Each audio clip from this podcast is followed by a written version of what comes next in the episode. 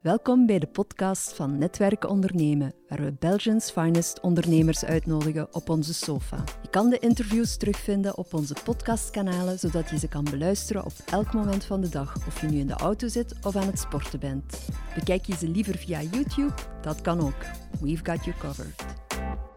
Welkom bij een nieuwe Sofa Talk van Netwerk Ondernemen. Vandaag heb ik uh, Anton Mussen en Simon Tavernier van Stampix uh, op, mijn, op de sofa. Ja, misschien eerst en vooral uh, stel jullie eigen eens eventjes voor. ja, enerzijds het bedrijf en de persoon. Hetzelfde bedrijf natuurlijk, maar ja, stel eens Simon. En nu de eer om te beginnen. Dank u, Gert. Ik ben Simon Tavernier, de co-founder en CEO van Stampix. En Stampix is eigenlijk een fotomarketing tool waarmee bedrijven foto's als een gift aan hun klanten kunnen geven, die dan ook branded zijn. Uh, we zijn daar uh, vier jaar uh, geleden samen aan begonnen, samen met Anton, mijn neef. Ja. ja, en ook nog neven inderdaad. Ja, Anton, dus de andere co-founder dan van Stampix. Ja, merci. dank voor de invitatie. ja, we zijn inderdaad vier jaar geleden gestart. Ehm, ik ben dus Anton. En ehm, ja, passie voor foto's, voor printed foto's en uh, ja, voor marketing. En die combinatie van die twee dingen, daarmee uh, zijn we Stampix gestart. Ja. ja, en die passie voor, voor foto's en printed foto's, ja, in deze tijden uh, allee, niet alledaags, laten we zeggen. Hè? Want van waar komt die passie dan? wat was de historiek, laten we zeggen? Well, ja, we zijn, zijn opgegroeid met foto's. ons grootvader heeft een tijd, in de jaren 60, heeft hij een bedrijf opgericht en dat heette DBM Color. Um, en dat was een bedrijf die fotoontwikkeling deed. Uh, het ontwikkelen van, van film, die dus uh, toch vandaag bijna volledig verdwenen is. Uh, en dat was, nu heeft een grote opmars gekend, het is dan Spector fotogroep geworden. Ja, iedereen, iedereen kent Spector. Hè, ja, toch vrij bekend bij, bij veel mensen. En dan uh, jaren 2000 eigenlijk ja, een grote omschakeling gekend naar printing, naar digital printing. Ja. Um, en ja, zo zijn wij eigenlijk op het idee gekomen van goed, uh, met printing kun je van alles gaan doen en digitale marketing. Je hebt niet alleen een voorkant, maar je hebt ook een achterkant. En je kunt gaan personaliseren. Uh, vroeger stond er op de foto uh, printed on Fuji paper of Kodak paper. en dag van vandaag zijn er natuurlijk andere mogelijkheden. Ja, ja en, en um, om daarop verder te gaan, ja, het, het zijn toch moeilijke tijden geweest de laatste maanden. Hoe, hoe hebben jullie die, die meegemaakt? Enerzijds misschien uh, persoonlijk, maar anderzijds ook als bedrijf. Hè? Um, is dit... Uh, ja. ja, persoonlijk natuurlijk is dat een grote impact, omdat ik plotseling thuis uh, in ons beide geval met kleine kindjes moet leren werken. dat heeft een nodige uitdaging. Um, maar al bij al is dat eigenlijk vrij vlot gelukt. We hebben ook een jong, klein team. dus we hebben allemaal de omschakeling gemaakt naar digitale samenwerkingen. Um, we zijn wel heel blij dat we nu terug toch deels op de office kunnen, uh, kunnen zijn. Maar al wel uh, vrij goed overleefd, privé en qua work-life balance. En dan qua business uh, is het eigenlijk voor ons zijn het zeer goede tijden geweest net, omdat mensen massaal thuis zitten met meer tijd en ook op zoek naar nieuwe bezigheden, misschien toch een stukje nostalgische sfeer die daar is. Um, dikwijls ook geïsoleerd van andere familieleden, dus dan denk ik aan postkaarten die kunnen verstuurd worden. Dus wij hebben eigenlijk eh, een enorme groei gezien in het gebruik enerzijds en anderzijds ook van de merken waar we mee samenwerken. Sommige van hen, um, ja, stonden dan misschien op twijfelpunten om met Stampix samen te werken, hebben dan gezegd oké, corona, we willen nu echt iets doen voor onze klanten in de eerste plaats en dan is ons cadeau, een, emotioneel cadeau dat op een zeer relevant moment um, kan, kan uitgedeeld worden in, in de covid-periode. Ja. En voor u Anton, hoe heb jij uh, deze periode beleefd? Well, een beetje hetzelfde, uh, met uh, wat highs en wat lows. Hè. Inderdaad, lastige psychologische periode, denk ik voor iedereen hetzelfde, om, om zoiets mee te maken. En dat dat ongekend is. En, en, heel veel mensen die veel problemen daardoor hebben. Um, maar de, ja, de highs wel van, goed, businessgewijs is toch wel, we hadden heel veel schrik ook, wat gaat dat geven toe, dit, dit verhaal. Um, maar dan toch gezien dat we met ons team eigenlijk heel goed remote kunnen werken hebben. En dat dat via de digitale tools eigenlijk een hele een goede ervaring geworden is. Waar we ook als team eigenlijk sterker uitgekomen zijn, denk ik. En plus het feit dat er, dat er heel wat geprint is geweest, is natuurlijk wel ja, Ja, allee, ik heb zelf eh, van mijn schoonouders zelf eh stampik-foto's doorgekregen. Dus ik eh, herkende het onmiddellijk. Ik dacht, oké, als nu de volgende generatie 65 plus al jullie begint te ge- gebruiken, dan, dan ziet dat er goed uit. Hoopt je daar ook, wat denk je nu, nu post-corona, wat, wat gaat, wat gaat daar overblijven voor jullie? Zijn er bepaalde zaken die je daar ook uit, uit geleerd hebt als team, als bedrijf? Ja, wel, hij spreekt van de oudere generatie die natuurlijk sowieso al die eh, affiniteit had met printproducten. Maar wij zien ook eigenlijk eh, iets zeer interessants op TikTok.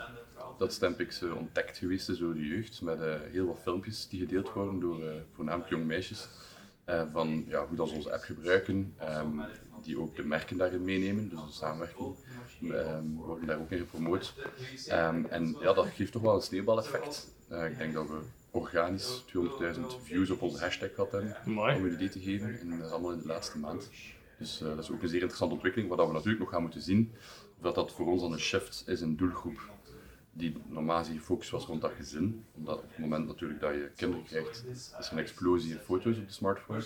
Is dat het moment om Stampix eh, bekend te maken. Maar als we nu zien dat de, de tieners het eh, ook gewoon een hele leuke tool vinden om zich eh, hun kot of hun, hun kamer te mee te decoreren, is dat ook wel eh, een nieuwe markt die mogelijk zo gaat. Ja. En ehm, als we dan ook eh, buiten België gaan kijken, eh, we zijn des jaar geleden samen naar New York getrokken, Boost Me. eh, eh, ja, zijn er daar ook ontwikkelingen?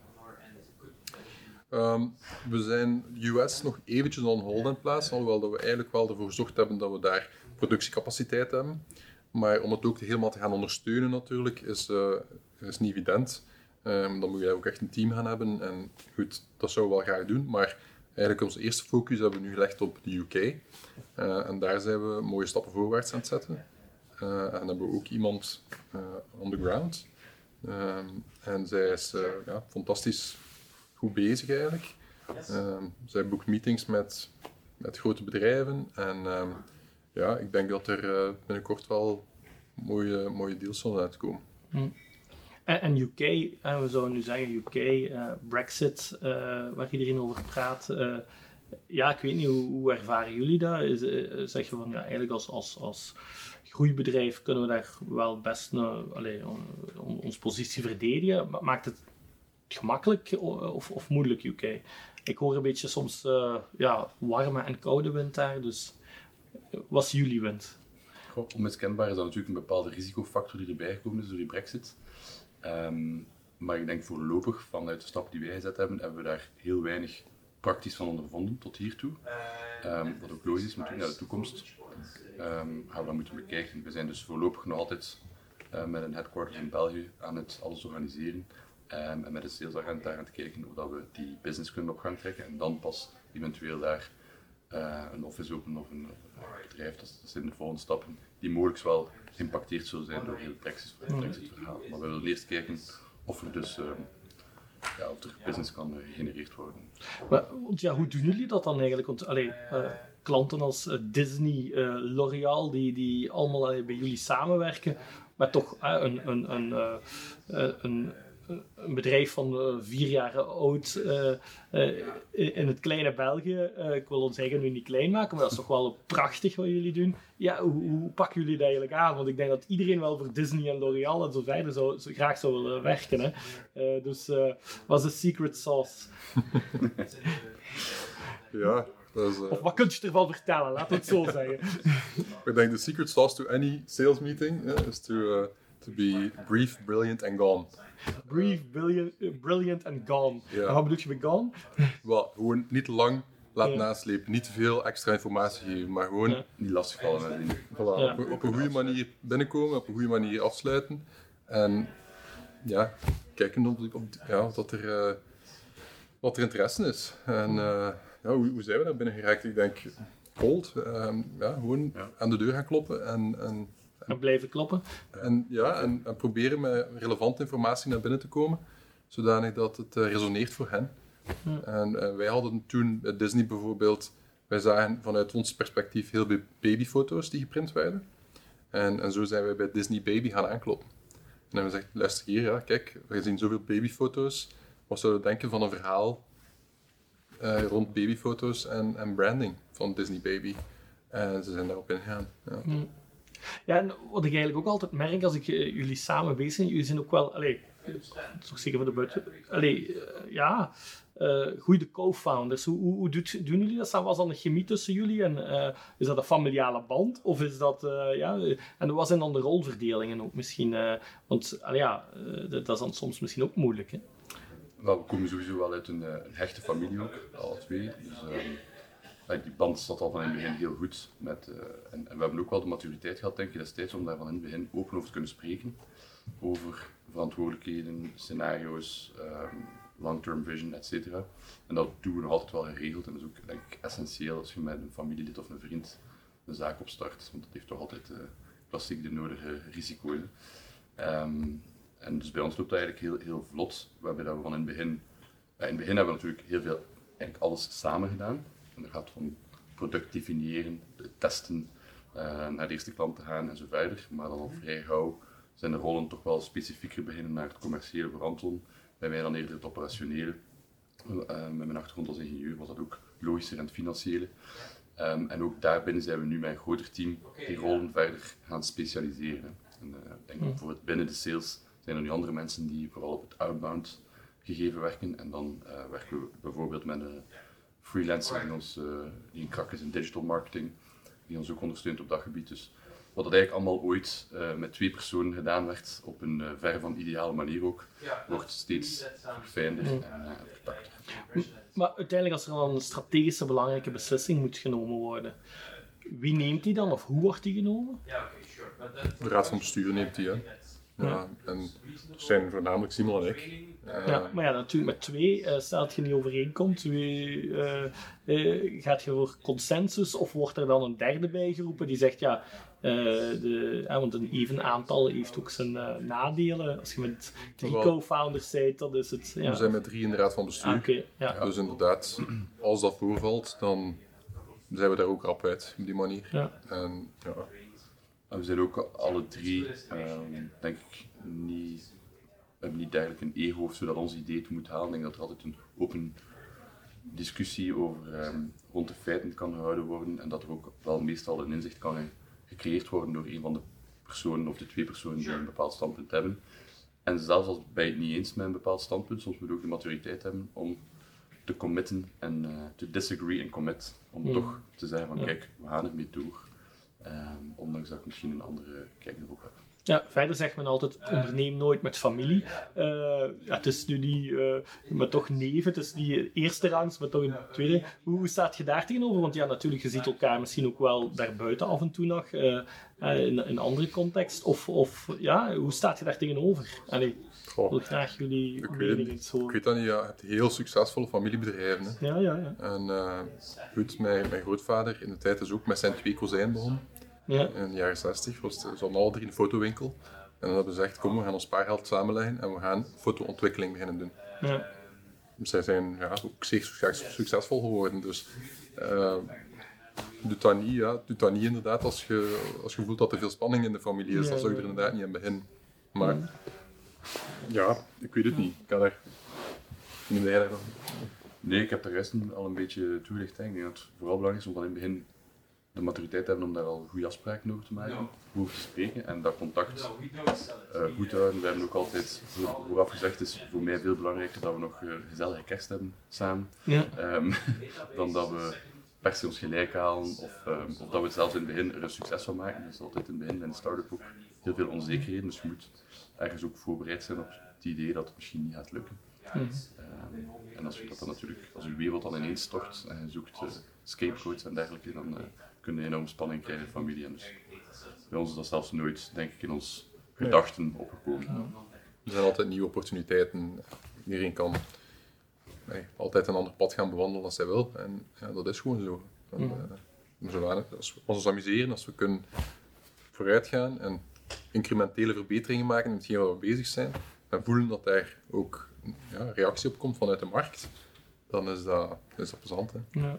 ja, Anton, je zit vooral met het eh, commerciële bezig. Eh, ja, hoe gaat je al naar de markt toe eigenlijk? Wat is uw, uw saleskanaal? Gaat je via agencies, eh, agenten of altijd rechtstreeks?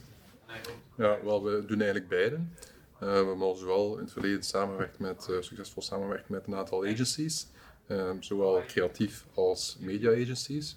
Ehm, maar we gaan ook rechtstreeks naar de klanten. En ehm, ja, beide werkt goed. Dus eigenlijk, meestal gaan we rechtstreeks naar de klant, omdat we, denk ik, daar ja, makkelijker eh, de, de, hoe moet ik het zeggen, de need gaan voelen. Of de, Het innovatieve van ons product vergt Mm. ook wel eh, kennis van de cases die we al gedaan hebben in het verleden. En dat is moeilijk om dat over te brengen naar iemand anders om het dan zelf verder te gaan verkopen. Dus we verkiezen meestal wel om zelf ook betrokken te zijn bij het salesproces. Ehm, maar in de UK bijvoorbeeld werken we ook dan met een salesagenten die heel nauw betrokken is bij alles wat we doen, die heel veel gebriefd geweest is. Ehm, en ja, zij slaagt er wel in om die meetings, zij het nu virtueel allemaal eh, vast te leggen. En we hebben bijvoorbeeld eh, twee dagen geleden nog een meeting gehad met Unilever UK. Er zat twaalf man in die virtuele meeting, dus dat zijn fantastische Ja. opportuniteiten die op die manier gecreëerd worden.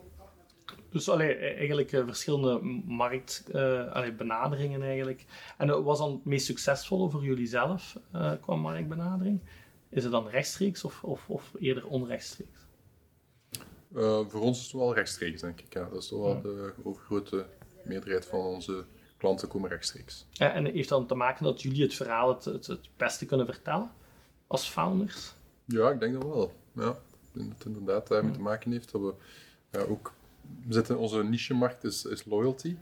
En dus ehm, ja, we gaan ook heel specifiek met die loyalty marketeers eh, gaan praten. En ehm het andere is, deel is activaties en dan komen de agencies daar wel rapper bij. Ja, ja. Ja. Oké, goed. En dan, eh, jullie zijn eigenlijk al een, eh, ik denk al eh, ruim twee jaar bij Netwerk Ondernemen betrokken. Eh, ja, we- Netwerk Ondernemen, wat heeft dat voor u eh, al dan niet betekend? Eh, jullie hebben enerzijds Mentor Me, anderzijds Boost Me. Eh misschien gewoon even eh, uw feedback. Maar ja, dus de, Boost Me traject hebben we natuurlijk al twee samen eh, doorlopen. Daar hebben we al twee zeer goede herinneringen aan. Het was echt een fantastische opportuniteit om naar eh, de bustling eh, city te gaan.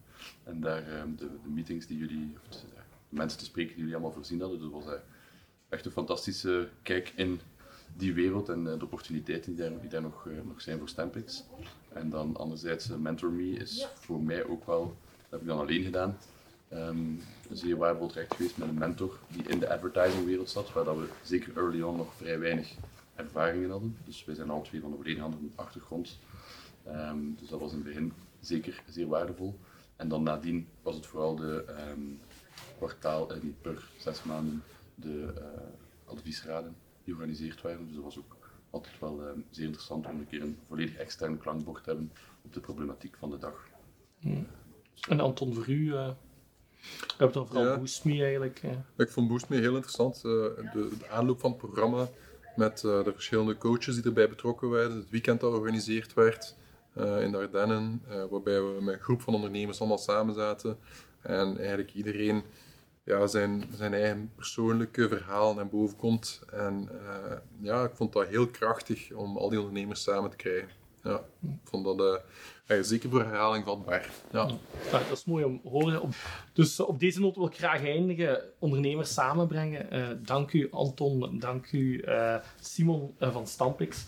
Ehm, ik zou zeggen, abonneer u zeker op ons YouTube-kanaal en op onze podcast voor andere ondernemersverhalen. En dan zie ik u graag terug voor een volgende sofa-sessie van Netwerk Ondernemen.